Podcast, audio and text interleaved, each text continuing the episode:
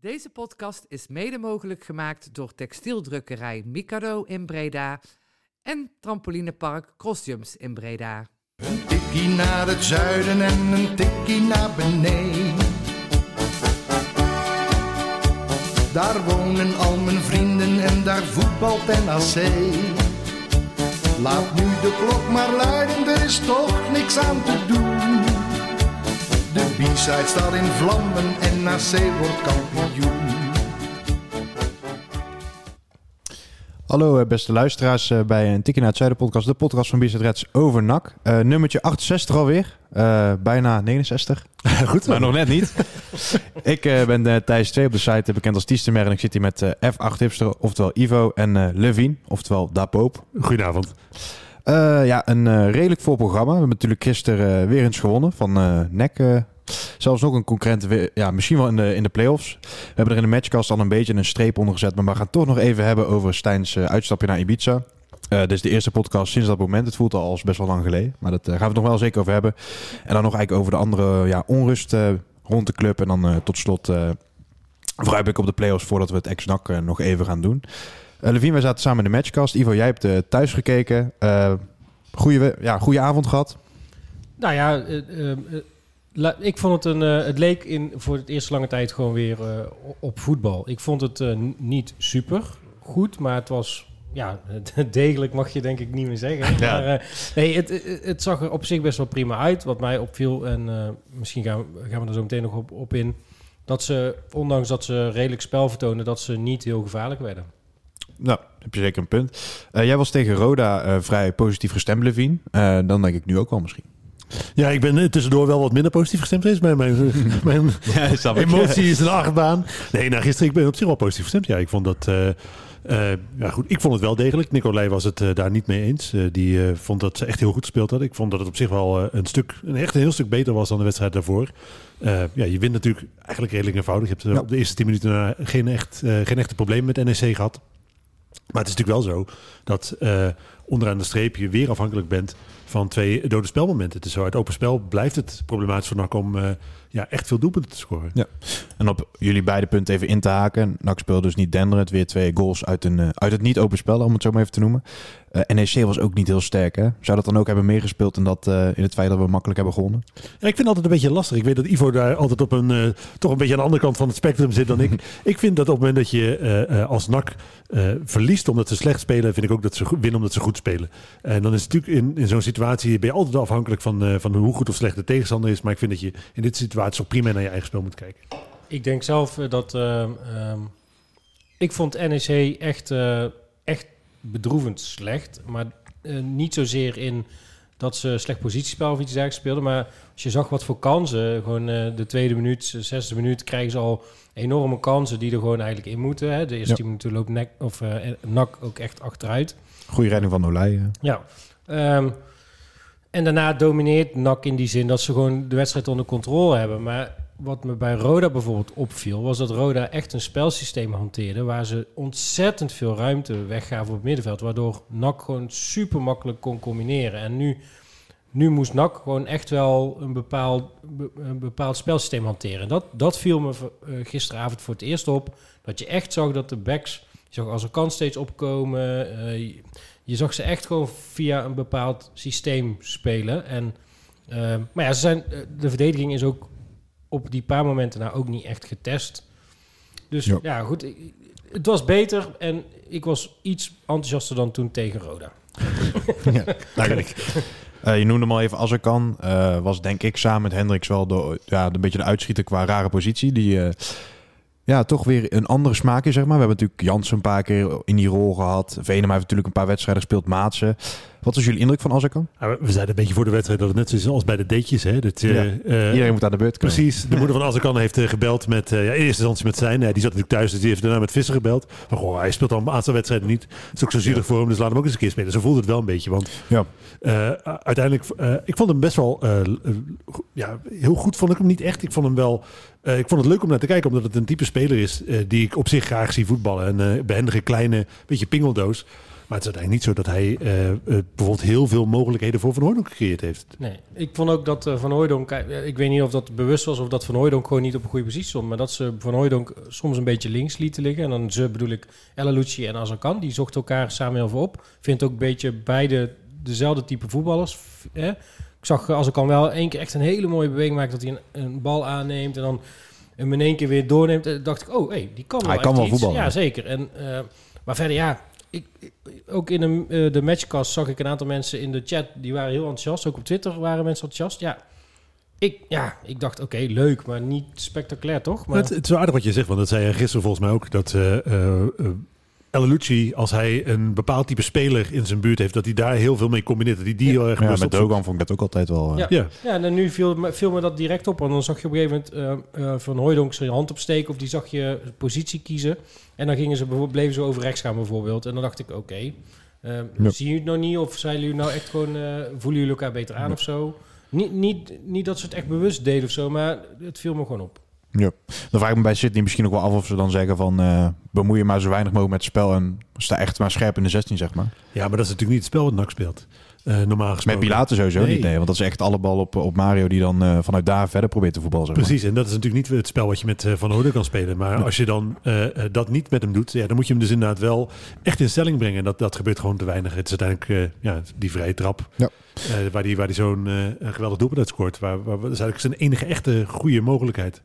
Ja, voordat we dan eh, wat verder gaan over Sydney. De, de andere ja, opvallende speler die ik dan vond was Hendricks op linksback weer. Eh, vond ik persoonlijk wel een geslaagd eh, experiment, als je het zo mag noemen. Eh verdedigend toch wat stabieler dan Maria en Mazart. En daar hebben we gisteren natuurlijk ook over gehad. En daar, ik denk dat we, kunnen daar ook nu kort even bij stilstaan. Het, het is gewoon heel complex eh, om nu te bepalen wat, wat nou de juiste opstelling gaat worden voor de komende wedstrijden. Want Hendricks inderdaad op linksback vond ik eh, defensief veel stabieler Ja. dan eh, Maria en eh Mazart. Mazart lijkt sowieso al, ik weet niet hoe, in hoeverre hij nou helemaal hersteld is van, van Pfeiffer, maar hij Ja. lijkt toch redelijk ook afgeschreven. Hij hoeft in ieder geval niet op veel minuten te rekenen op dit moment. En Maria, ja, als je die weer opstelt, is wel een heel ander type speler dan, dan Hendricks op links. En ik denk dat je met Maria, die defensief veel zwakker is, eh, uiteindelijk ook het centrum met Malone en eh, eh, Adle- eh, Adileu wat meer in probleem brengt. Dus ik zou denk ik op dit moment voor, voor Hendricks blijven kiezen. Ja, en de, Malone speelt gewoon al twee wedstrijden gewoon degelijk. Eh, Ja. ja. er komt weer het woordje degelijk. Maar, Heel goed. Nee, gisteren, gisteren hoor- zag ik het aantal mensen zeggen, maar ik vond het eigenlijk vorige wedstrijd ook al dat Malone echt gewoon, eigenlijk ondanks dat we hem best wel stevig bevraagd hebben, Ja. eigenlijk best wel prima speelde. En gisteren ook. eh, kon hem niet op superveel fouten betrappen eigenlijk. Nee, had ook geen goede ingreep, ingreep Ja, zelfs. Wat hij nu international is, hè, dan word je automatisch een, een betere voetballer misschien. Eh, we hadden ook nog een, eh, een, een fragmentje over, ja, voor mij zeker, en ik jullie ook wel, het, het hoogtepunt van de wedstrijd was natuurlijk die vrije trap. Je weet dat hij het kan en nu dan de tweede wedstrijd op rij dat hij hem ook zo eh, ja, erin schiet. En we hebben daar een fragmentje over waar hij het zelf Ja, toelicht. want eh Sydney legt uit, ja, eigenlijk inderdaad hoe die goal er nou precies uitzag. Ik denk dat, eh, ik denk dat, ja, ik raak hem denk ik gewoon top. En eh, ja, ik- hij viel binnen, maar ik zag het denk ik niet precies, zeg maar, hoe die binnenviel, omdat ik een beetje, zeg maar, wegviel. Maar die jongens zeiden gelijk, wauw, dit is echt niet normaal. En dan weet je van dat je wel een wereldgoal hebt gemaakt. Want er, was, er zit geen woordje ineens bij. Het was toch inderdaad echt, echt een eh, eh, wereldgoal. Wereldgoal is misschien, ja, daarvoor moet je toch iets nog, misschien nog magisch te doen, maar het scheelde niet heel veel. Nou, het was zo. Ik, heb, ik, ik zat er via mijn laptop te kijken op ESPN. En eh, dat loopt een minuut achter, of op een aantal seconden achter. Dus ik kreeg op mijn... Ik zag dat ze een vrije trap kregen. Ik kreeg op mijn horloge kreeg ik al... Oh, eh, de, de 2-0 viel, of 0-2 viel. Ik dacht, ah, jammer. En ik sprong nog alsnog op van mijn stoel. Hij was echt... Ja. Echt, ik vond hem mooier dan die vorige. Echt, hij ging zo snoeihard ook in de kruising. Ja, omdat nu die volgen zouden kunnen zeggen, een beetje door de muur heen, half. En, eh, maar dit was echt eh, perfect ingeschoten. En ja, misschien ook omdat je als NAC-supporter niet iedere dag eh, of iedere week meemaakt dat een bal er zo in gaat. Meestal zijn dat toch een beetje heel slim. veel supporters dit heel vaak meemaken hoor. Ja, misschien. Ja, ik denk wel zelf wat bijvoorbeeld aan Messi. Die heeft natuurlijk wel een degelijke vrije trap in de benen. Maar dan als je Champions League zit te kijken of zo, dan is het, dan is het toch minder indrukwekkend als je naar NAC zit te kijken. Omdat het misschien toch wat zeldzamer Nou ja, is. Ook omdat het een be- bewust, dat hij bewust zo neemt. Want ook dat legt hij in het interview dat we gisteren met hem hadden uit. Ik ga daar ook even naar luisteren. Ik weet dan nog niet zeg maar, in welke hoek eh, ik hem ga schieten, maar ik zeg wel tegen Ramon, ga met nog iemand eh, naast de muur staan om het zicht voor de verre hoek voor de keeper ook moeilijker te maken. Want normaal ziet hij hem, zeg maar, de korte hoek ziet hij niet door de muur, maar de verre ziet hij wel vrij. Dus ik zeg, zet daar mensen neer en dan kan hij dat niet goed zien. Maar ja, deze maakt er niet uit of iemand stond, maar normaal gesproken als hij dan iets minder is ingeschoten, kan hij er nog steeds in omdat de keeper hem laat zien. Fun fact hierover trouwens. Dit is uitgevonden door Matt Seuns en Kenny van der Weg. Maar die schoot hem toen gewoon vol bij Kenny in zijn maag. Dus die hebben het daarna ook niet meer... eh, ik weet niet of dat het moment nog herinneren. Een paar seizoenen geleden bij Jong Ajax uit. Dat was toen echt zo... eh, ja, was helemaal een viral gegaan. Nou, die hebben ze, daar hebben ze dus van afgeleid. Maar dit was al natuurlijk veel beter uitgevoerd. Het is wel mooi dat eh, als eh, Van Hooydonk, je weet natuurlijk niet waar, waar zijn top uiteindelijk ligt, maar stel nou voor dat het helemaal gaat lukken. Dat je inderdaad straks kan zeggen, ja, ja, die spits van Nederland zelf, die wil niet vrij trappen. Afgekeken op Kenny van der Weg, hè. Dat, Ja, precies. Misschien ook al een beetje van zijn vader wat dat betreft. Maar ja, dat, is, dat is natuurlijk wel bij hem. Hè. En ik vind, eh, eh, net zoals zijn vader, is het geen voetballer die aan alle kanten overstroomt eh, van talent. Maar iemand die laat zien dat je met heel, heel, heel veel oefenen. En natuurlijk ook wel, hij moet wel iets van goede genen hebben. Ik bedoel, Ja. het, eh, Hij heeft het postuur, hij heeft, hij heeft echt wel de fysiek van, eh, van, een, van een spits, toch? Hij is lang, hij is gespierd. precies, maar je weet dat hij vanaf, vanaf dat hij eigenlijk kon lopen waarschijnlijk dit, deze ballen geoefend heeft. Ja. Ja. Nee, ja, ik vind het nog steeds... eh, ja, eh, eh, voor NAC is het een waardevolle speler. En ik denk dat zijn top nog wel ietsje hoger ligt dan dit. Ik, ik verwacht niet gelijk dat hij Nederlands elftal gaat halen, maar... Ik denk dat, dat het een prima bruikbare spits kan worden. Eh, ik had het dan vandaag nog met iemand over. En het is uiteindelijk zo dat eh, hij bezit de kwaliteit die, eh, de voetbal, die we als voetballer het beste kan bezitten. Namelijk het feit dat je hoe dan ook doelpunten maakt. Eh, het maakt niet zo heel veel uit wat je daaromheen wel of niet beheerst. Op het moment dat je in stelling gebracht wordt, eh, weet je met Van Hooydonk dat hij gewoon goals scoort. En hij weet gewoon wat, er, wat erbij komt kijken. Want hij heeft een goed voorbeeld aan zijn vader, die er ook hard heeft voor moeten werken. Die begon ook op een lager niveau. Die heeft Ja. uiteindelijk ook stapje voor stapje is hij beter geworden. En je ziet gewoon veel parallellen, toch? Ik bedoel, ik kan me Ja. aan de Beatrixstraat kan ik van ook nog herinneren. Ja, dat loopje van, eh, van Sydney, dat is echt... Ja, dat is bijna identiek, toch? Ik bedoel, ik Ja. was nog niet zo heel oud toen, maar ik dacht, oké. Maar we hebben het net voor de uitzending gehad over hoe oud je wel niet was. Dus ik bedoel, het niet liegen nu, hè? Dat, ik ging richting de 50, maar dat was schromelijk overdreven. dan eh, ja, toch, het, het blijft eh, buiten de contractsituatie natuurlijk ook wel een beetje een, eh, een prangende vraag. In hoeverre maakt hij dan echt aanspraak op een basisplaats? Want eh, we zijn met z'n allen ook wel over eens dat Bilate nou ook niet per se een slechte spits is. Die, die heeft ook zeker zijn waarde. Misschien niet direct in goals, maar wel eh, op andere facetten. Hoe staan jullie daarin? Eh, De, de enige optie voor mij blijft gewoon om ze samen op te stellen. Want eh, ze zijn super complementair aan elkaar. Eh Bilate is een heel veel beter aanspeelpunt dan eh, Van Hooydonk is. En Van Hooydonk is een heel veel betere afmaker dan Bilate is. En je hebt allebei die kwaliteiten heb je in je elftal nodig. Eh, en dat is ook meteen eh, wat, wat het zo'n ongelooflijk moeilijke kwestie maakt. Omdat eh Stijn niet met twee spitsen gaat spelen. Hij heeft dit seizoen praktisch alles al uitgeprobeerd. Hij heeft ook Immers in zo'n rol laten spelen. Maar hij probeert het eigenlijk niet met eh, Van Hooydonk en uh, Bilate. Misschien één wedstrijd of twee wedstrijden dat, die, dat ze wel samen op het veld hebben gestaan. Of in ieder geval ja, Arben en. Bos bijvoorbeeld, maar dat was dan een helftje, weet je wel. Precies. Maar echt voor eh, eh, hun twee in de, in de spits kiezen, dat gaat hij gewoon niet doen. En dat, eh, ja, dat betekent dus dat je hoe dan ook ehm, eh, voor je elftal belangrijke kwaliteit in gaat leveren. En ja, het is ook gewoon zo dat als je eh, geen doelpunten maakt uit, eh, uit eh, veldgoals, dat je eh, het enige wapen moet gebruiken wat je hebt, dat is de dode spelmoment. En daar is hij volgens mij. Kijk, hij gaat er echt niet iedere wedstrijd eh, twee inleggen op die manier. Maar je ziet nou dat hij twee keer achter elkaar gewoon wel doet. Ja. Ja, Enorm wapen gewoon- natuurlijk. Ja, precies, precies dat. En eh, ehm, Ah, en dat is natuurlijk wel zo met de spelers die je opstelt. Hè? Eh, een jongen als Azarkan, als je daarvoor zou blijven kiezen. Maar zeker een jongen als De Roy, die gisteren natuurlijk ook weer een penalty versierde. Het zijn wel gasten voorin. Eh, ook aan worden veel overtredingen opgemaakt. Die in principe dat soort momenten voor Van Hooydonk wel zouden moeten kunnen creëren. Daarom. Dus ik denk dat als je dat wapen hebt en je moet goals maken, punt. Gewoon linksom of rechtsom. En eh, ja, dan, dan is City denk, Sydney denk ik super bruikbaar. En eh, ja, nou goed. Ik, ik, Maar toch, hè, weet je, ik, neig er zelf ook naar om Sydney op te stellen. En dat heeft voor een deel ook te maken met het feit dat ik gewoon heel graag wil dat hij eh, ons naar de Eredivisie schiet. Omdat dat voor mij het, het voetbalsprookje van zijn vader, die dat natuurlijk ook ge- gerealiseerd heeft in, in Den Bosch, dat zou dat verhaal voor mij compleet maken. Maar je kunt, eh, als je naar de wedstrijden die Bilater gespeeld heeft, eh toch ook niet zeggen dat, dat er een goede reden is om hem op de bank te zetten. nee, nee, maar dat is ook niet wat ik zeg. Want voor mij is het sowieso een beetje too little too late. Dat wat, wat ik gisteren zag, dacht ik ook, ja, leuk. Ik kan er gewoon nu niet enthousiast van worden. Omdat voor mij is het echt... Het is wel een beetje in je aard, hè? Nee, nou ja, goed. eh, eh, voor mij is het echt wel, echt wel tot, tot een minimum gedaald. Omdat ik, ik ben echt super teleurgesteld dat wij nu maar vijfde staan. En die play-offs, ja, ik weet, het is een loterij, 11 tegen 11, er kan van alles gebeuren. Je weet, je weet allemaal niet, maar... ehm, ja, ik, ik, mijn geloof is wel dusdanig ver weg, maar... ehm, ehm, ja, ik eigenlijk niet, niet eens meer wat ik wilde zeggen. Maar, Het ging over Sydney, weet Dat is een beetje net als het seizoen van NAC. Je begint vol goede moed en ergens halverwege strandt het. Ehm, Ja, nee, ik weet, ik weet het is echt gewoon compleet verdwenen. Het ging inderdaad over wie je op moest stellen. Eh, eh, ehm, ehm, ja, ik zie... Oh, eh, dat Too little too late, zei je. Ja, Ook. too little too late. Ehm, eh, het, is leeftijd, denk ik. het maakt me gewoon eigenlijk niet zo heel veel meer uit. Kijk, ik wil wel heel... Ik had het graag willen zien als ze Sydney gewoon meer hadden laten spelen. Hij was niet tenslotte topscorer. Ik vind heel goed dat Bilaat het echt... Dat was wat ik wil zeggen. Ik vind dat Bilaat het heel goed heeft gedaan. Die heeft het echt om weten te keren. Heeft zich in het spelsysteem wat Stijn kiest, als je het systeem mag noemen, heeft hij zich heel belangrijk gemaakt. Hij heeft zich bij de sports geliefd gemaakt. Dus ja, je- nee, je hebt geen reden om hem op de bank te zetten. Maar ik had wel willen zien hoe het was gelopen. Of Sydney er meer als 20 had gemaakt als hij, als hij wel gewoon basisspeler was geweest. 100%. Nee, daarom. Dat en denk ik eh, wel, ja. eh, dat is het nu. En nu denk ik, ja, voor mij heeft hij hem nu niet per se tot eh basisspits te, te bombarderen die laatste twee wedstrijden. Ook wetende dat je weggaat. Aan de andere kant lijkt het, me, lijkt het mij voor hem wel super voldoenend als hij ons wel eh, de eredivisie inschiet.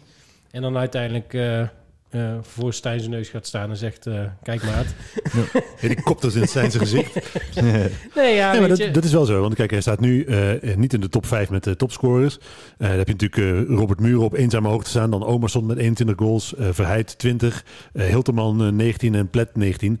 Eh ja, Sydney heeft natuurlijk lang niet alle wedstrijden gespeeld. Op het moment dat hij gewoon basisspits was eh, geweest, had hij daar hoe dan ook in die top 3 tussen gestaan. Dat weet ik echt, Denk echt ook wel. 100% zeker. Ja, dat- ja, goed, hij heeft ook wel een paar mindere periodes gehad. Hè? Dus eh, neem dat niet weg. Maar, Ja, maar dat, dat, dat vind ik gewoon eh, niet heel terecht. Want Nee. voor een deel heeft dat te maken met A, het systeem. En twee, heeft natuurlijk ook een, hij is basisspeler geweest in de periode dat wij door zo ongelooflijk Ja. door corona getroffen werden. Ja. Dus de- de- toen was niemand goed. Nee, helemaal, helemaal mee eens. Dus ik had het gewoon heel graag willen zien. En ik, ik- dat- dat- dat- er is gewoon best wel veel stuk gemaakt of zo. Zo voelt het rondom eh, om, om zijn persoon. En ik vind het echt bewonderingswaardig hoe hij erin staat. Eh, ik, ja, ik verwacht toch echt wel dat hij gewoon... eh, eh, ja, goed, gezien de interesse die er in hem is, eh, dat, dat hij wel gaat vertrekken. Ja, want om daar even, even bij eh, stil te staan, er wordt dus inderdaad gesuggereerd dat Udinese interesse heeft. Een club met een verleden als het gaat om het halen van jonge spelers en ook jonge Nederlandse spelers. Dan zou hij wel meteen verhuurd worden aan een Nederlandse club. Waarschijnlijk zou dan, werd dan gesuggereerd Den Bosch of Go Ahead Eagles. Ik denk dat Go Ahead Eagles de meest waarschijnlijke optie is gezien. Go Ahead Eagles heeft een Zweedse spits gehaald. nou, oké. Nou, dan is dat, maar dat stoppen de natuurlijk. derde, derde, derde divisie, geloof ik, in Zweden. Want ik sprak toevallig eh, gisteren een oud eh, Go Ahead-speler. En, eh, Ja, goed, hij is toch beter dan een, een, een, eh, Zweedse hij was spits. welkom hoor, zit niet, zei hij. Ja, tuurlijk. ja, want je hebt daar natuurlijk Moulenga die daar stopt. Eh, die zal niet normaal gesproken nog een seizoen Ja. doorgaan. En ik kan me niet voorstellen dat Sydney niet trek heeft in een eh, eh, dienstverband bij FC Den Bosch. Tenzij dat super zit er ook nog. Ja, maar ik, eh, ik, ik, ik dicht eh, Go Ahead eh, serieuzere kansen toe om te promoveren dan NAC op dit moment. En dan is natuurlijk wel de vraag of eh, mocht uh, Go Ahead Eagles aanslagen, eh ervan uitgaan dat het, dat het verhaal klopt. Hè? Want dat is eh, voor alle duidelijkheid lang niet bevestigd. Er wordt, Nee, wordt zelfs eh, gezegd dat er nog, eh, als er al sprake is van interesse, dat die niet zo concreet is dat je eh, eh, daarvan een deal kan spreken op korte termijn. Maar goed, als Go Ahead Eagles promoveert, dan lijkt me ook niet dat zij als voor Sydney als eerste spits in de Eredivisie kiezen, toch? Nee, dat lijkt me ook niet. Mm, ja. En eh, het feit dat, dat dit soort interesse er is, betekent dat hij gewoon op lijstjes staat. En je weet gewoon dat eh, zijn vader gewoon eh, contact heeft in Schotland. Ehm, ehm, de- de- eh, Turkije natuurlijk. Turkije inderdaad, waar hij ook al een paar keer mee is gelinkt. Dus, dus volgens mij zijn er gewoon serieuze opties voor, eh, voor Sydney. Het is natuurlijk wel zo dat eh, eh, Van Hooydonk en Van Wonderen kennen elkaar natuurlijk goed. Ook dat. En eh, nou ja, misschien eh, eh, dat ze ook wel een telefoontje van, van, van Jelle krijgen. dat die eh, opgepikt wordt door Anderlecht en dat die hem een tijdje verhuren of zo. Ja, weet jij Nee, eh, geen idee. Maar dat, eh, dat hij het niet verlengt, dat, dat lijkt me toch wel redelijk eh, waarschijnlijk. Hij zegt zelf, want dat hebben we ook nog een eh, eh, fragmentje van over zijn toekomst en of NAC nou nog een optie is. Hij houdt die optie wel open. En- nee, nee, nee. Ik heb niet met, eh, met Ton aan tafel gezeten. Maar dat is, gewoon, eh, dat is gewoon goed. En als dat komt, dan komt het wel. En eh, ja, dan gaan we gewoon aan tafel. En het zal vast nog komen. En uh, NAC is ook gewoon een goede optie voor mij. Hij staat een beetje met nog een goede optie, maar hij bent een beetje binnensmonds. En hij heeft inderdaad nog niet met Ton gezeten. Ik denk dat hij Ton vaker bij hem thuis ziet dan eh, op de club. Eh, want de- als er iemand is die hem binnenboord kan houden, dan moet het toch Ton Lokhoff zijn. Ja, ik denk, ja, ik, ja, goed. Ik heb het gisteren in een andere appgroep eh, gezegd. Ik denk dat het alleen gaat gebeuren als eh, Stijn en Manders vertrekken. In ieder geval Stijn, want die heeft In ieder geval natuurlijk het Stijn meest en directe Manders invloed denk op. ik... Ja, goed. Nou, in, in ieder geval Stijn. Laat het zo zeggen. Maar, Ja, Sidney is natuurlijk wel een jongen van de club. Die houdt ook wel echt van NAC. Vindt het leuk om voor NAC te spelen. Maar hij is wel realistisch genoeg om gewoon ook wel echt naar zijn carrièreperspectief te kijken. En als jij vanaf van tevoren al weet dat Stijn jou echt als nummer twee ziet. Dat hij echt eh Bilaat en misschien dat hij nog een andere spits haalt. eh, een ander type in ieder geval. eh, boven jou zet. Dan is dat natuurlijk wel reden genoeg om daar gewoon aan een vertrek te denken. Zeker, ja, los van of Lokhoff dat nou wil of niet. Het is wel gewoon zonde. Ja, de- zeker. Want dat is het echt. Hè? Je hebt twee spelers die er dit seizoen echt bovenuit steken met, met statistieken. Dan zijn dat, dat zijn Van Hooydonk en Lucci. En allebei vertrekken ze aan het einde van het seizoen Ja. transfervrij. En dat is gewoon kut. Ja. Dat is gewoon heel zuur.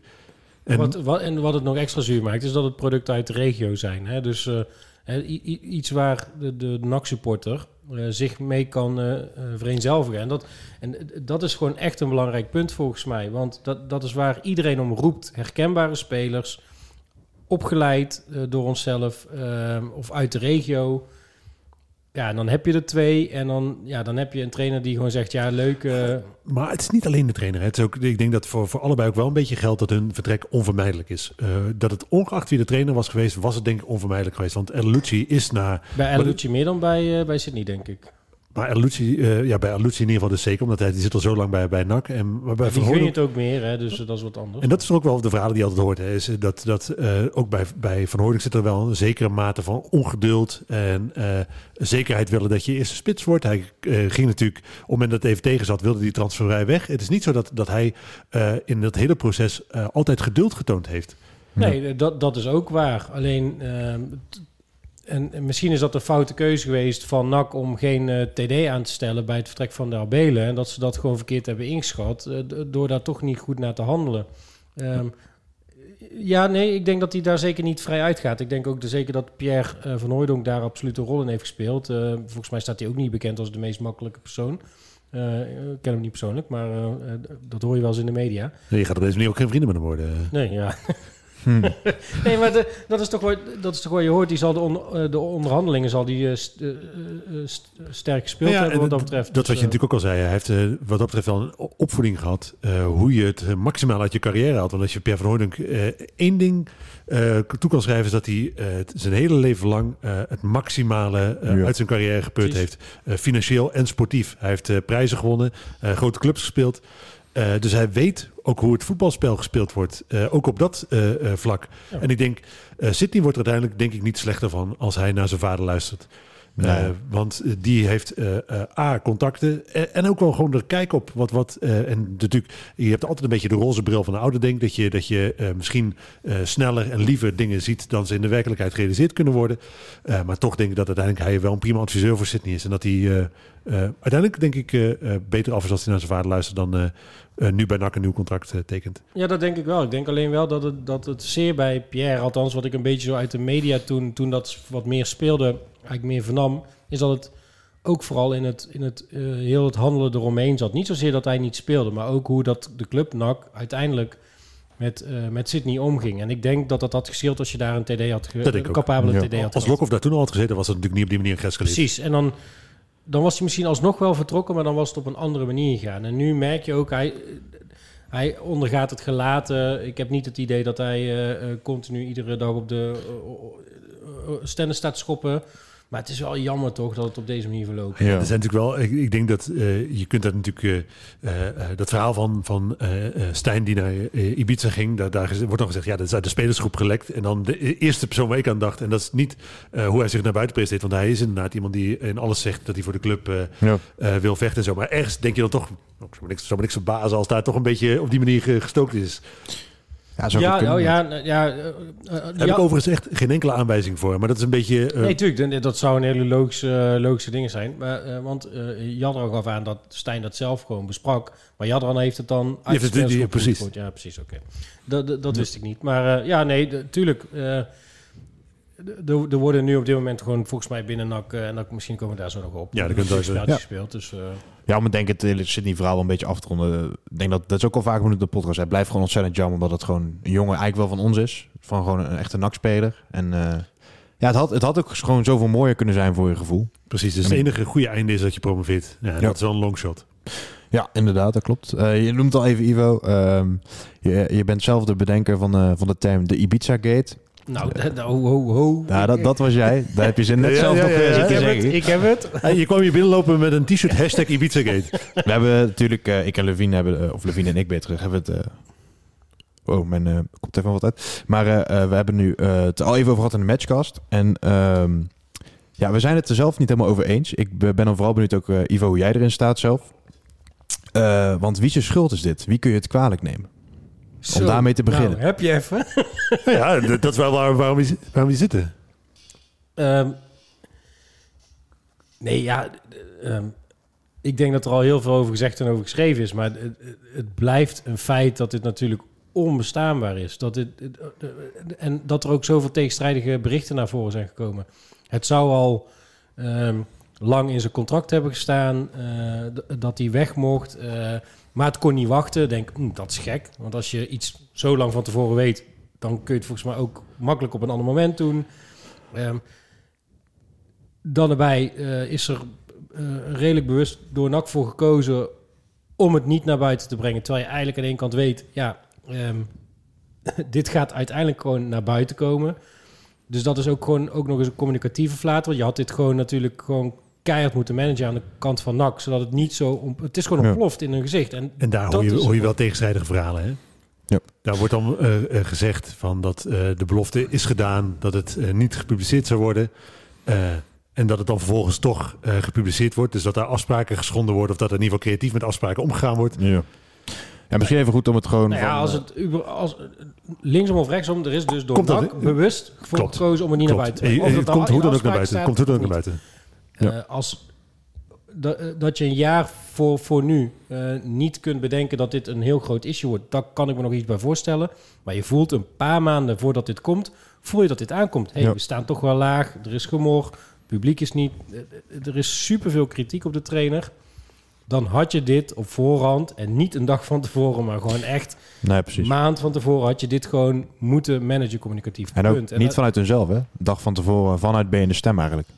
Nou ja, ja en dat het- is, het vind werd ik zelf nog wel een extra lading eraan geven qua hoe dat is opgelost. Ik vind dat eigenlijk nog slechter dan dat je het zelf hebt naar buiten. Ja, maar als, je niet, als er niemand is op het kantoor bij NAC die een, een, een week voor zijn vertrek, terwijl je echt een ultieme kutreeks aan wedstrijden speelt, niet bedenkt, hmm, dit, dit zou wel eens eh, eh, voor ellende kunnen gaan zorgen, vind ik echt, echt Ja. niet goed ingeschat. door NAC. Nou ja, maar eh, het is eh, eh, niet zo dat die discussie niet gevoerd is eh, binnen Nee, nee, nee, Eh, maar- er is alleen door de, eh, de mensen die daarover gaan, en dat zijn dan Manders en zijn, is een bepaalde keuze gemaakt ook om dat op deze toch- manier aan te pakken. Ja, maar je moet toch ook wel- wellicht in overleg met Stijn op een gegeven moment tot de conclusie komen. Deze timing is gewoon best wel ruk. Ondanks dat je voorheen een keer een besluit hebt genomen dat het Ja. wel oké is. Of, ja, ze hadden dit gewoon anders moeten managen. Klopt. Echt, daar ben ik. Dat, dat vind ik. Ik denk dat het, het, het feit dat hij naar Ibiza is gegaan. Oké, daar kun je een hele hoop van vinden. Maar goed, eh, ik denk dat ze best wel hebben aangegeven... joh, die eh, trainingen worden gewoon prima geleid. eh Edwin de Graaf moest toch sowieso zijn examen nog halen en zo. Stijn doet toch de eerste dagen van de week, doet hij niks. Dat was Ja, het eh, een argument. Maar, en, maar oké, hè, tot daar en toe. Nou, op, of, ophef is dan misschien redelijk terecht en is verkeerd gemanaged. Maar oké, ehm, en dan is de storm weer enigszins gaan liggen. En dan, dan stel je gewoon een simpele vraag. Gaat hij nou in quarantaine of niet? En dan heb je de shit voor de tweede keer. En wij ja, dat stelden is gewoon, eigenlijk nee, maar 2.0 van heel het eh, wij gebeuren. stelden gewoon letterlijk de vraag: joh, is hij terug of niet? En moet hij in quarantaine? Ja, en dat, dan moet daar een antwoord op verzonnen worden, denk ik. Oké, je hebt twee situaties. Of hij is terug en dan heb je een verhaaltje. Of hij is niet terug en dan heb je een verhaaltje. En dat moet dan op het moment dat wij dat op maandagochtend vragen... Nee, wanneer is donderdagochtend vragen... moet dat verhaaltje nog bedacht worden, denk ik. Ja, hij was, hij was uiteindelijk vrijdag pas terug, hè? Nee, oké, maar we hebben het donderdags gevraagd. Precies, maar zou die op het moment dat hij weggaat, moeten inderdaad die scenario's klaarleggen. Dan moet je besloten en hebben wat zeker je... nadat je zo'n shitstorm Ja, over ja, je ja. heen hebt gehad, dan moet je, oké, dit zijn de stappen, dit gaan we op deze manier managen, dit gaan we naar de pers. eh, en wij, wij voelen ons niet altijd pers, maar goed, zo worden we ook wel beschouwd. Eh, ja, dit moet er gewoon naar buiten gebracht worden. Ja, maar je, weet gewoon dat, dat, er, dat dit leeft. Je moet dat inderdaad gewoon aanvoelen. En je moet daar inderdaad eh, handig eh, eh, omheen werken. Je moet daar handig communiceren. Je moet daar handig de regie houden over de situatie. En die is NAC natuurlijk in dit verhaal op alle punten volledig kwijt En geweest. dat Ook al had je het in de zomer gewoon meteen verteld, weet je wel. Dan was je er ook, wat dat betreft, Ja. dan was het al heel lang duidelijk Ik geweest. denk het feit Dan was dat je het hij voor geweest. vertrok is gewoon nog niet het grootste punt. Het is gewoon hoe dat ermee omgegaan eh, eh, eh, is. Het is natuurlijk wel zo dat die overwinning tegen NSC eh, de baan van Stijn gered heeft wat mij betreft. Die stelling durf ik echt wel aan. Had NAC eh, gisteren verloren, dan was zijn positie natuurlijk die na die week vol chaos sowieso onder druk eh, stond, eh, redelijk onhoudbaar geworden. En dat is denk ik ook de reden, de reden waarom NAC in eerste instantie gezegd heeft, ja maar goed, we gaan hem toch gewoon op die bank zetten.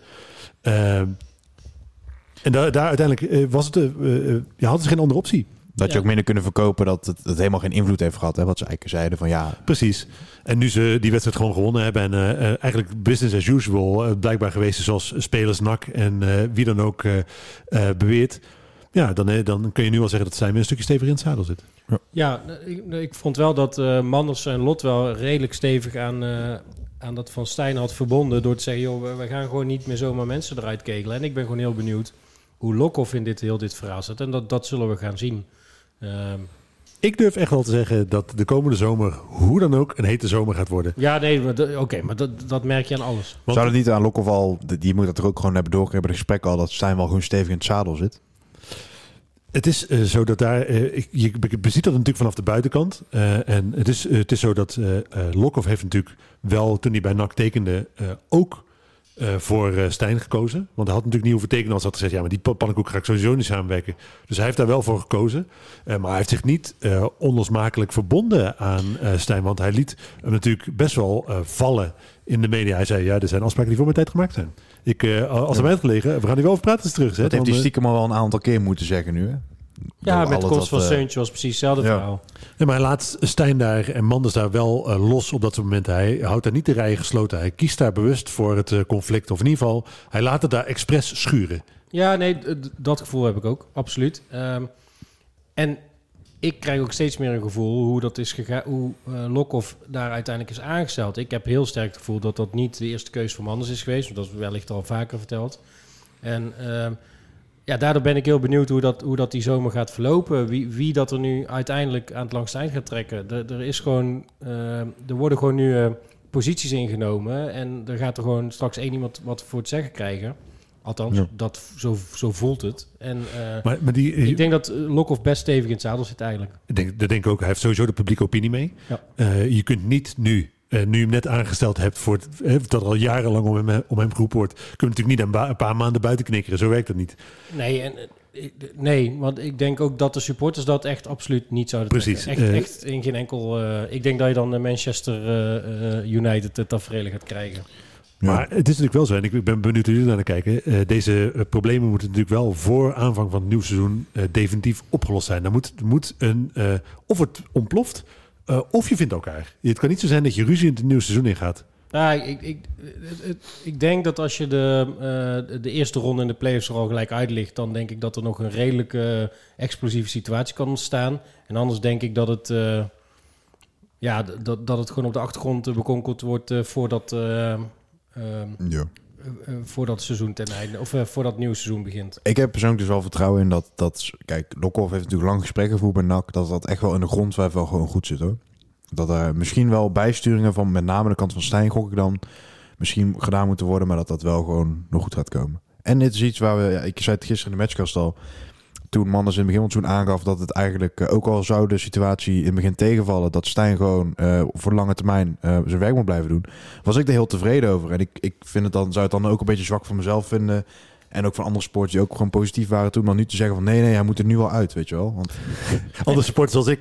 ja, nou maar in de zin van, ik weet niet hoe jij er toen de tijd in stond, Ik vind- maar ik heb daar wel voor getekend voor het feit dat, oké, ook als het niet goed gaat, dan kunnen wij, blijven wij wel doorbouwen. Want ik werd wel een beetje ziek van dat je op een gegeven moment eh, tien trainers en zo het, hetzelfde aan het doen hebt. Je, je stipt daar wel een goed punt aan. We moeten wel door blijven bouwen. En eh, eh, Ja, daar kun je afgelopen- vraagtekens over zetten. Afgelopen zomer vond ik Stijn eh, absoluut de juiste keuze voor NAC. Ik had hem, eh, als ik eh, afgelopen zomer dezelfde keuze had moeten maken, had ik hem weer aangetrokken. Omdat het op dat moment gewoon de beste keuze was, gezien ook de situatie waarin je als organisatie zat.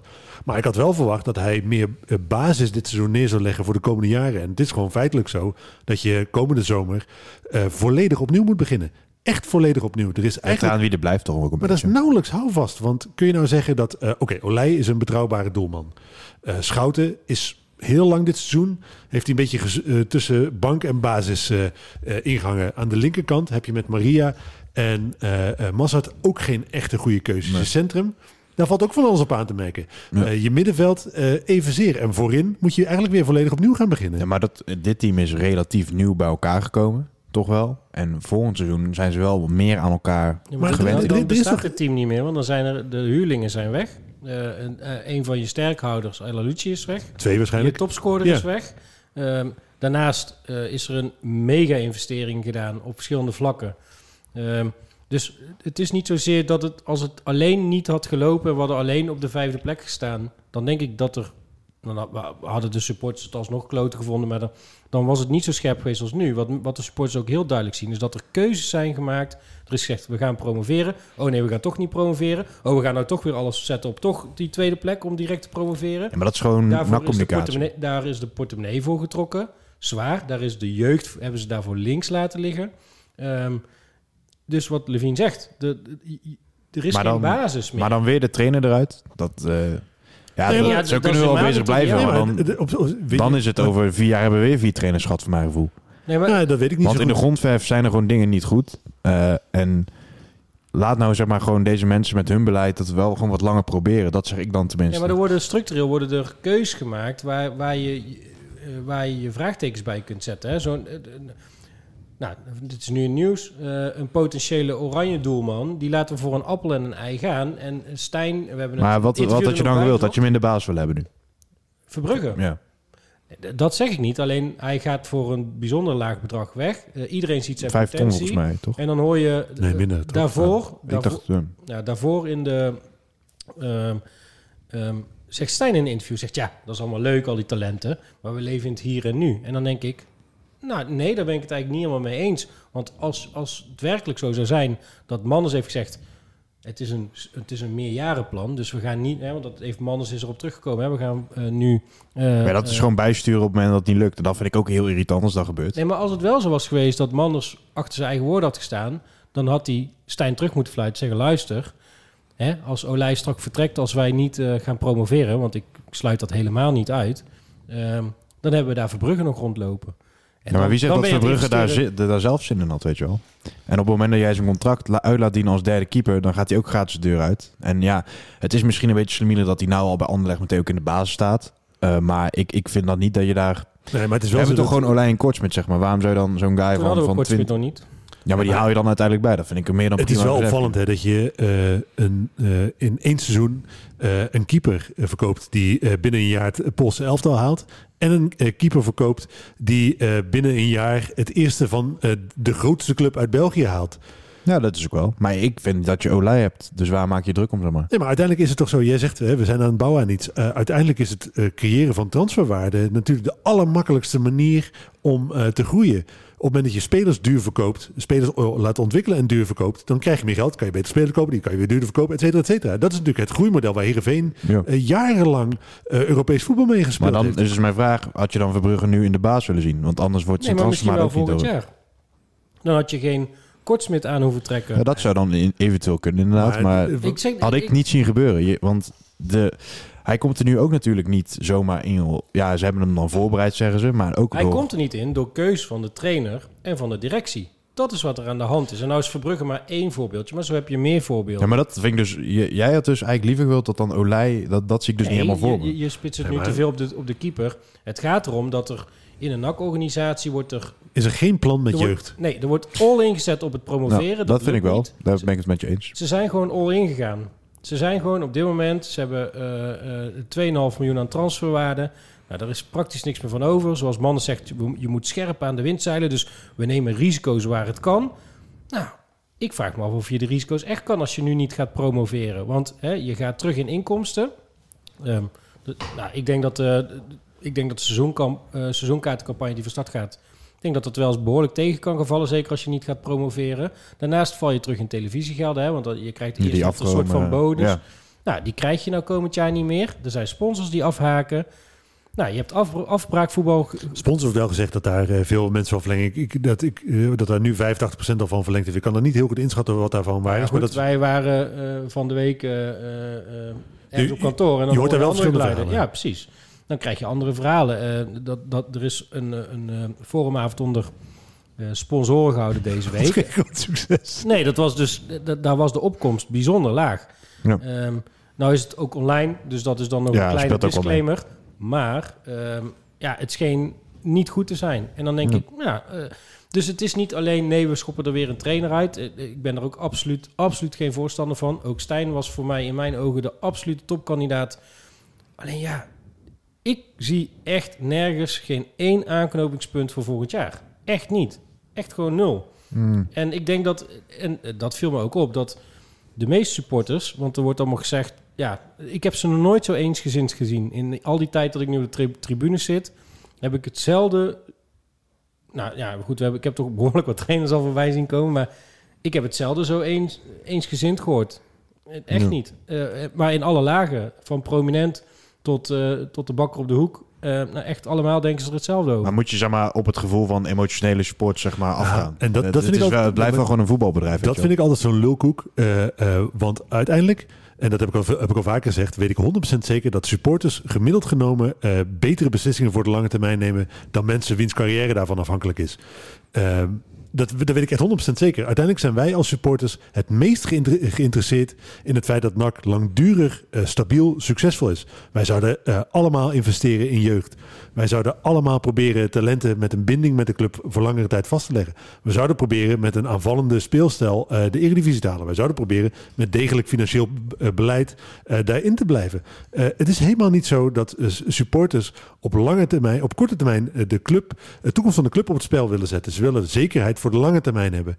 Eh, en eh, wat je bij de directeuren gezien hebt, mensen die daarvoor betaald krijgen, de professionals dus, hebben eh, dat als je één ding vast kan stellen over de afgelopen 20 jaar bij NAC, is het zo dat mensen die daarvoor betaald worden het echt niet beter doen. Echt niet. Ja, je schetst al een paar punten waar ik het enigszins mee eens ben. Maar lange termijn bouwen, als jij gewoon bij NAC werkt, dan heb je bepaalde druk dat je, zeker in de KKD, moet je gewoon promoveren.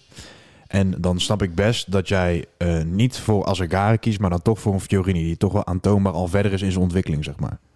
En of dat nou, ja, dat is Nee, toch waar hun, ze, ze moeten, we moeten gewoon promoveren, toch? Met name met onze, ja, Nee, zeker het beleid wat je nu kiest. Maar dat, dat is het dubbele wat je zegt. En je zegt, ja, maar je moet nu promoveren. Maar je zegt zelf, nee, we hebben twee jaar. Eh, dat is wat je zegt. We hebben, eh, op het moment dat het... We hebben Nee, twee ze jaar. hebben nu echt vol ingezet, wat Ivo net ook zegt, op het promoveren. En dat is toch, ja, ik, ik, heb als NAC-sport wel het idee dat, dat de druk daar toch altijd wel op ligt. Dat je als NAC zo snel mogelijk terug wil. Maar heel even, op het moment dat NAC nu had gezegd, eh, vanaf het begin van het seizoen, in plaats van de suggestie die ze wekte, we gaan dit jaar promoveren, had ze hadden gezegd, jongens, we gaan eh, nu, dit jaar, kan het heel goed zijn dat het echt niet gaat lukken. Deze discussie hebben we vaak gehad, maar Ja, wordt dat gepikt door Ja, NAC-supporters? Omdat, Dat ik zoals ze het nu doen. nu Omdat doen. nogmaals, uiteindelijk is, er geen, is er geen enkele NAC-supporter die niet wil dat wij stabiel succesvol zijn. En geloof mij, de gemiddelde NAC-supporter snakt naar stabiel beleid. Snakt naar rust. Snakt naar een visie die door de hele club gedragen wordt. Die, waar alle neuzen dezelfde kant op staan. Waar je weet waar NAC voorspelbaar handelt. Ja. En daar, daar is gewoon helemaal, dat, dat is al jaren eh, niet het geval. En Chris eh, WM die zei op eh, Twitter, had een draadje vandaag, maar hij heeft het al vaker gezegd. Hij zegt, het beleid van NAC is volledig afhankelijk van de algemene directeur die er zit. We hebben als club geen eigen identiteit. En dat, daar be- ben ik het echt mee eens. Ik weet Ja. zeker dat wij als supporters, gemiddeld genomen, dat de gemiddelde mening van de supporter uiteindelijk beter beleid oplevert dan het heen en weer fietsen tussen twee uitersten wat NAC de hele tijd doet.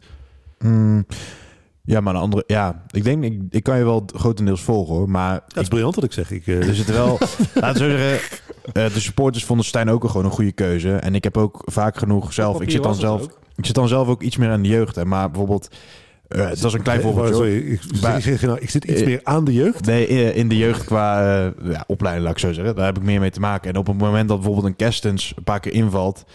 dan staat onze site ook vol met... eh hey, wat is dit nou? Die vent kan eigenlijk nog niks. En eh, ja, weet je, het, het- het- ik vind dat wel makkelijk om te zeggen... dat alle NAC-supporters zouden willen dat, eh, dat er zo met jonge jongens, zeg maar... Het is natuurlijk zo dat je niet met 19.000 mensen beleid moet maken. Maar ik denk dat de gemiddelde mening van de NAC-supporter echt wel eh, een fatsoenlijk beleid op zou leveren. Ja, op een gegeven moment als je in naar een uitzichtloze situatie kijkt... Kijk, dat, dat, eh, dat zo'n Hendricks op wordt gesteld... die voegt meteen waarde toe aan het elftal... waarmee je je promotiekansen vergroot.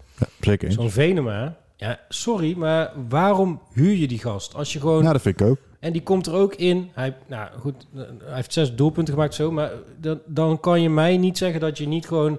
Laat dan zo'n Azagari gewoon dit jaar gebruiken... om hem voor volgend jaar klaar te stomen. En zo Of een niet- Buffon die gewoon wel onder contract staat, laat ik zeggen. Ja, Als dat kan, voegt ook geen, eigenlijk niet voldoende toe. Nee, om, nou, maar dat eh, ben ik zeker met je eens. Jansen, Ja, Maatsen. Ja, dat is gewoon een, eh, een gokje. Nee, maar dat, eh, eh, daar staat het natuurlijk wel bol van dit seizoen. Hè? Het is zo Ja, dat je- zeker. Je, je, weet, je je weet dat je jeugd dit jaar niet kan voetballen. Zolang, er, co- zolang je coronaperikelen houdt, mag je jeugd niet voetballen. En in plaats van dat je dan denkt, oké, dan moeten we dus dit jaar wel een andere oplossing voor die gasten bedenken. Eh, wat Feyenoord bijvoorbeeld gedaan heeft. Die heeft zijn halve onder 21 selectie verhuurd. Eh, in plaats daarvan halen wij allerlei spelers die eh, de mogelijk, kleine mogelijkheden die de jeugd heeft om minuten te maken, eh, blokkeren. Dat zijn toch gewoon slechte beleidskeuzes waar je volgend jaar niks meer aan hebt. En Mazart zou, zou eigenlijk ook vertrokken zijn, waren er niet dat er ook gewoon uiteindelijk gewoon best wel wat kritiek op kwam te staan. En hebben ze hem uiteindelijk gewoon nog een contractje gegeven. Maar dat, dat was niet de intentie van Stijn en Manders op dat moment. Ja. 100% niet. Die, die mocht gewoon vertrekken, punt. Dat hebben ze gewoon uitgesproken. Maar En- persoonlijk had ik dat wel een beetje ingecalculeerd toen Stijn kwam. Dat de jeugd bij hem niet eh, zijn focal point is, zeg maar. Maar dat Nee. maakt dus dat je als club zijnde uiteindelijk afhankelijk bent van eh, de wil van passanten die wel de toekomst van je club bepalen. En ik denk dat nu met de komst van Lokhoff dat daar een stukje continuïteit gewaarborgd is. Alleen ze hebben hem, ze hebben heel lang ervoor gekozen om het heel lang zelf te doen. En ja, misschien is dat gewoon een verkeerde keuze geweest. ja. Ik denk ook wel dat Manders ook gewoon graag stabiel, eh, stabiele club wil worden. Hè? Begrijp me niet verkeerd. Alleen ik vind dat er wel bepaalde keuzes gemaakt worden waar je nu achteraf terugkijkend. Ja, het klonk allemaal super mooi, maar je denkt achteraf, ja, als je iets langer had nagedacht, misschien klopt het niet helemaal. En ook de hè, eh, Stijn die geeft best wel vaak af op zijn selectie. En dan denk ik, ja, je hebt hem echt voor een groot deel zelf Ja. samengesteld. Nee, dat in, in die zin, en dan ben ik ook, ik wil ook niet zeggen dat, dat de mening van supporters helemaal op niks gebaseerd is, maar er is wel een beetje een tussenweg, denk ik. En supporters zijn ook wel makkelijk om het meteen op zijn negatiefst in te zien, denk Maar ik. het is niet zomaar ineens negatief. We hebben- Stijn heeft echt voldoende kansen gehad om het gewoon recht te breien. En ook eh, heel lang zijn de supporters achter blijven staan. Maar als je op een gegeven moment gewoon nu naar, wat was het, 34 wedstrijden of zo, nog steeds gewoon eh, je beste elf moet gaan zoeken. En eh, nog steeds geen idee hebt welk sp- spelsysteem je hanteert. Of blijft zeggen, ja nee, ik heb het zo uitgelegd. Maar ze doen het niet. Ja, dan is er toch gewoon echt wel iets mis. En dan komt er nog bij dat er ook, denk ik, wel behoorlijk wat kwaad bloed is gezet. Met de uitingen die ze vanuit de NAC-organisatie doen. Dan heb ik het over spelers, maar eh, eh, ook Stijn Ja. zelf. En ook daar zit er gewoon een stukje eh, management volgens mij in, van de communicatie. De, op ongelukkige momenten is, zijn, er dingen gezegd die wellicht niet zo bedoeld zijn, maar Tuurlijk. ontzettend vervelend aankomen bij de, bij de aanhang. Oh. Waardoor er uiteindelijk Om op jouw eerste argument al even in te haken. Je zegt dus dat eigenlijk... Er is nog geen vaste basis af. Maar ik heb ook wel vaak meegemaakt bij NAC dat als er dan... Laten we nou zeggen, we staan eh, derde, net niet binnen de top 2 en dan wordt het nauwelijks gewisseld. Bijvoorbeeld met Stijn Vreven was dat best vaak het geval. Die wisselde bijna nooit. Of het was pas in de 70 minuut. Dan ga je er ook weer zeggen van ja, hé, moet je kijken, we hebben al die gasten op de bank, waarom wordt er niet gewisseld? Dus ik denk wel dat een supporter vaak makkelijk de kant kiest waar het niet gebeurt. En vanaf ja, de beste stuurlui zijn, staan aan wal, zeggen ze wel eens. Nee, maar, eh, eh, Uiteindelijk geloof ik gewoon niet dat eh, 20.000 mensen het allemaal verkeerd zien. En, eh, Nee, ook niet allemaal, maar de, de, de Laten we zitten, er erbij. Hè? zeker de helft heeft eh, s ochtends een glaasje azijn als ze opstaan. Absoluut, ben ik het helemaal mee eens. Zeker ook als je de reactie op ons site, dan denk ik dat er behoorlijk wat eh, eh, glas half leeg eh typetjes Ah, weet je, Maar, eh, ja, nee, maar ik denk ook echt dat, dat inmiddels, ehm, ehm, nadat je op een gegeven moment echt op een onoverbrug, onoverbrugbare eh, plek komt te staan om de graafschap eh, uiteindelijk op een paar kansen kan je die inhalen. En toen is bij, bij veel supporters wel, eh, is het wel redelijk gemeenschappelijk geworden. Dat iedereen al denkt, ja maar ho eens even, met deze selectie op papier moet je gewoon, moet je echt gewoon echt op, eh, op, op een plek staan waar je de graafschap gewoon, gewoon kunt pakken. Denk dat we zo dat onderwerp voor nu in ieder geval hebben afgerond. Eh, we zijn het er nu niet helemaal over eens. Dan ja, denk ik dat, eh, dat het eh, een goed idee is om eh, Ivo praat gewoon poep. een stukje... ja, een stu- ja. Thijs, Thijs praat poep. Iedereen praat poep. Zou, zou ik even ja, vooruit willen blikken op de play-offs nog enigszins. Want hoe je het ook bent of verkeerd. eh, NEC is natuurlijk wel een ploeg die je ook in de play-offs zou kunnen treffen. Ik weet niet of we nog een quote van Olij hadden. Want die was er zelf in ieder geval wel... Ja, want Die had er wel zin in. We begonnen hier natuurlijk heel enthousiast eh, deze podcast met het feit dat we er een dikke streep onder zouden zetten. Dat, we hebben er wel wat onder gezet, maar ik weet niet zeker of dat een dikke streep was. We laten dat... Stippellijntje. Precies. Een. We laten, gaan even naar Olij luisteren wat, eh, wat die daarvan eh, van over te zeggen heeft. er is genoeg geweest de afgelopen periode. En eh, nou, daar hebben bepaalde spelers wat over gezegd. Ik zelf ook. Eh, maar weet je, het is nu gewoon volle bak focus op de, op de, op de na-competitie. En op de aankomende twee wedstrijden die nog gaan komen. En dan kan je eh, zeggen dat is te laat of, of eh, weet ik veel wat. Maar op het moment dat wij straks op de grote markt staan met z'n allen, is het gewoon feesten. En dat is natuurlijk wel een... eh, ja, hij heeft wel gelijk. Als we, als we straks op de grote markt staan, dan is het inderdaad wel gewoon feest. Want dan zijn we A, gepromoveerd. Maar dan is er ook wel veel, ja, niet vergeten. Maar dan, dan kom je er, ontkom je er toch niet aan om toch een beetje te vergeven. Ja, sowieso. Want dat dan ja, onderaan de streep is dat altijd gewoon het resultaat wat telt. Precies. En, eh, En de winnende trainer heeft altijd gelijk. Ja, nou ja, laten we het hopen. Ik bedoel, dat, dat gun ik ze dan wel weer. En ook dat ze lange neus naar ons kunnen trekken, absoluut. En ik sta vooraan eh, op de grote markt eh, met, met mijn pot bier, absoluut. Eh, ik, ik feest net zo hard mee. Ja. Om, om daar te komen moeten we nog wel een tamelijk lastige route afleggen. Want we, we hadden Ja. al die het plaatje er al bij gepakt. Ja, ik zal, kan het wel even kort toelichten. Ehm, laat ik beginnen met waar we nu staan. De nummer 5 en de nummer 6 spelen, met, eh, spelen tegen elkaar. En de winnaar daarvan eh, speelt tegen de eh, degradant eh, uit de Eredivisie, of de potentieel degradant. En daar is natuurlijk nog niet het laatste woord over gezegd. De NAC kan natuurlijk nog een plek stijgen.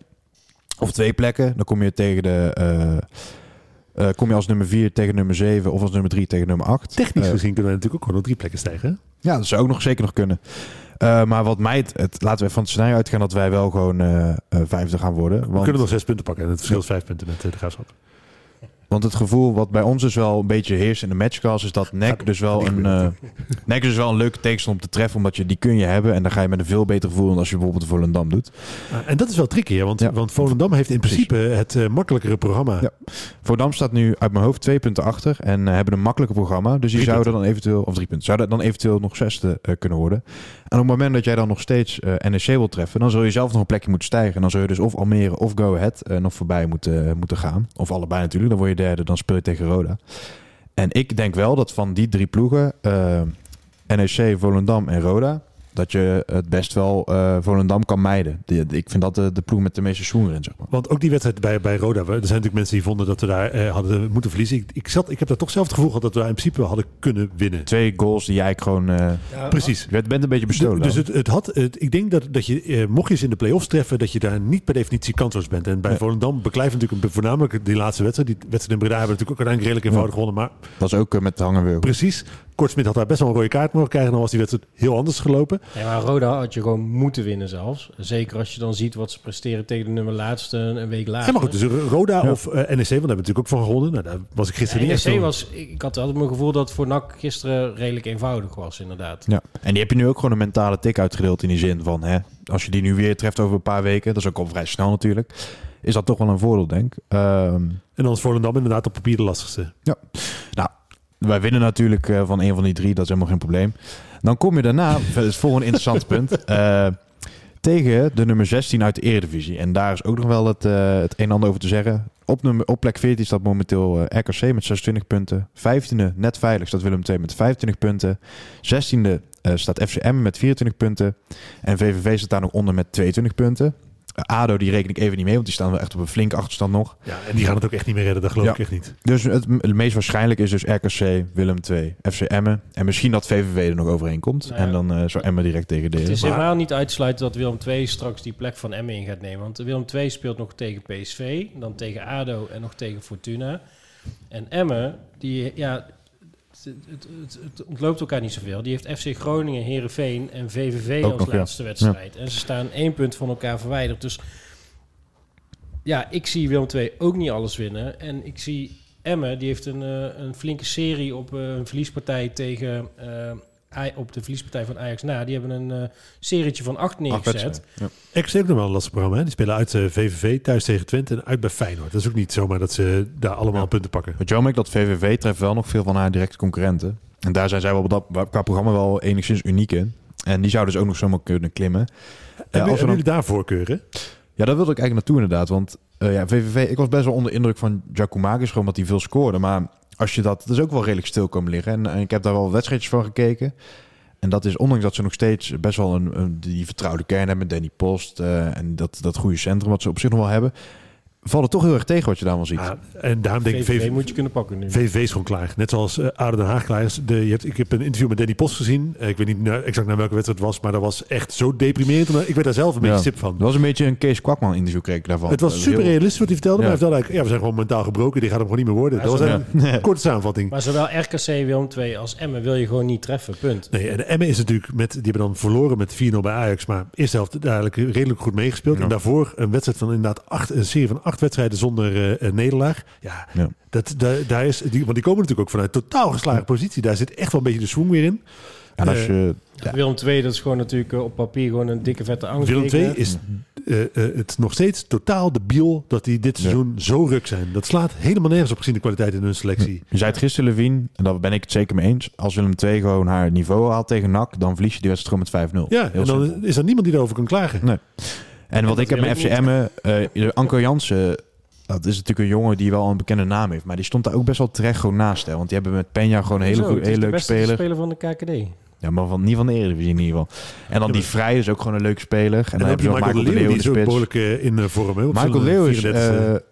In ieder geval van eh spelers die nu nog voetballen, getopscoorde alle tijd tegen NAC. Die heeft bij Groningen twee hat tegen NAC gescoord bijvoorbeeld. En daarvoor ook al... eh, het is wel echt een, eh, een voorbode voor, eh voor Mo-. Mocht je nog niet in de put zitten, dan... Ja. eh, want Nee, maar- RKC is natuurlijk ook... Wat hebben we het ook gisteren over gehad. Uiteindelijk is het zo dat RKC... eh, gevoelsmatig hebben wij daar nog nooit van gewonnen.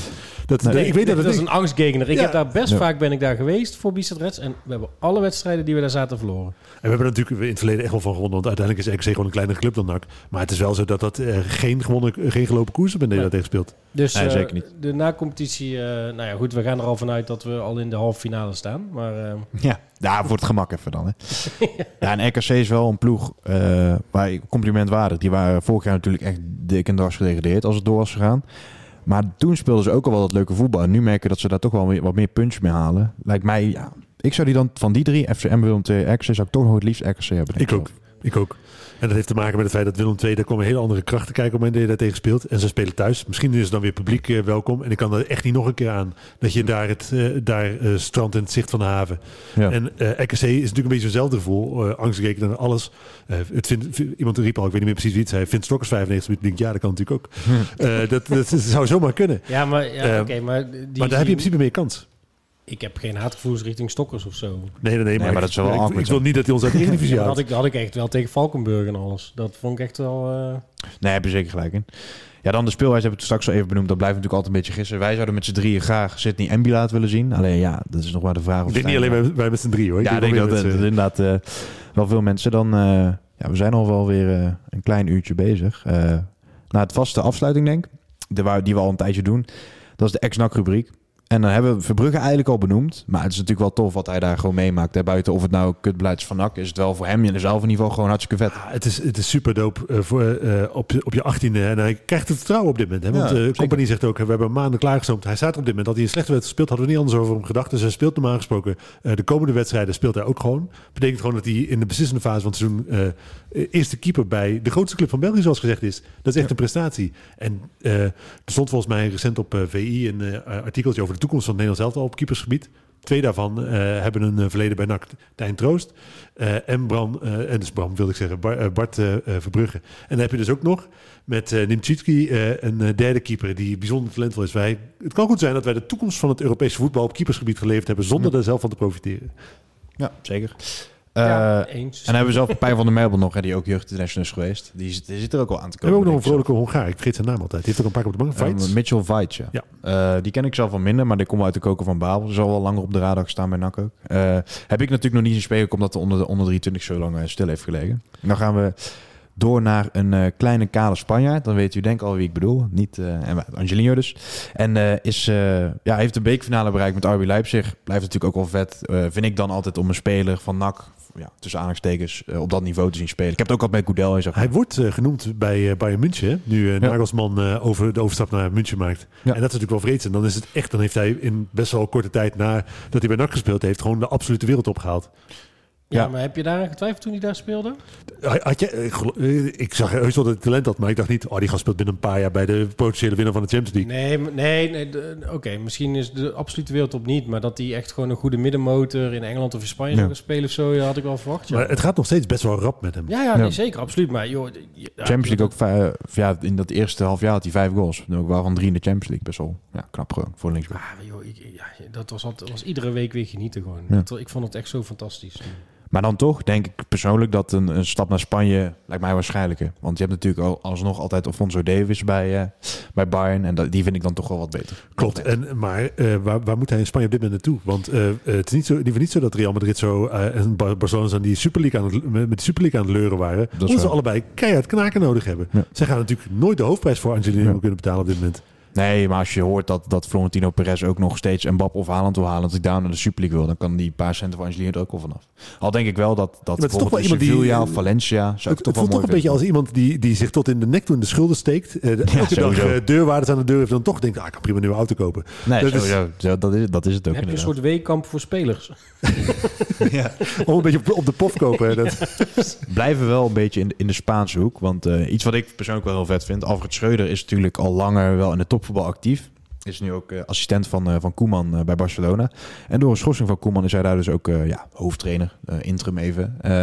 Maar het is toch wel heel vet als jij als... ja, ik vond het een goede speler, maar ook weer geen wereldtop. Dat je dan even de Messi's en de Dembeles hij heeft wel het allermooiste doelpunt gescoord wat ik in het Radverlegstadion live gezien heb. tegen AZ thuis, toch? Dat is misschien wel een van de mooiste doelpunten die ik überhaupt ooit gezien heb. Ja, zeker omdat het ook half uit de lucht was. eh, We- Wereldtop is misschien overdreven, maar dat was wel ongekende klasse. Nee, zeker. Het was een hele Hij goede staat al speler. heel lang bekend als goede trainer, toch? Ja, het is een beetje een, een Ten Hag type of zo. Zo'n beetje zo'n voetbalprofessor vibe heeft hij wel. Het is ook zo, het is wel zo, op het moment dat je als oud speler je hoofd kaal schiet, word je automatisch een betere trainer. Heb Ja. je dat dus?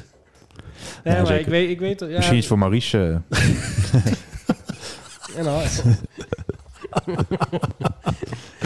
en dat komt van mij. Ik ben nog best wel pro Maurice. Nee, maar het, is natuurlijk wel tof, hè? Want eh, we hebben natuurlijk met Henk de Kater ook al eerder een eh, speler eh, of een, iemand met een nakverleden bij Barcelona geha- eh, gehad. Ook als assistent trainer natuurlijk. Het is Ja. tof dat dat soort mensen hun weg vinden. En ik hoop nog steeds het ideale scenario, zoals ik dat, ik, ik droom graag over een mooie toekomst van NAC, is altijd geweest dat je dat Maurice Stijn je naar de Eredivisie brengt, je daar twee jaar houdt, dat het dan het sokje overgenomen wordt door Arne Slot, die je richting Europees voetbal brengt, en dat dan Alfred Schreuder instapt, die ik gewoon landskampioen maakt. Ja. In- mijn hoofd is het, ik bedoel, en een voetbalmanager, eh, kan dat prima.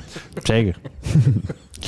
Dan... eh, ja, ja. nee, het is een heel aannemelijk scenario. Nee, maar in principe is het wel Jammer zo. dat we vijfde staan. Ja, dat is ook zo. Maar eh, dat is wel, en dat heb ik al heel vaak gezegd, het is wel zo, uiteindelijk is dat wel de potentie van eh, de club. Je kunt met NAC in principe prima eens in de drie, vier jaar eh, een serieuze gooi naar Europees voetbal doen.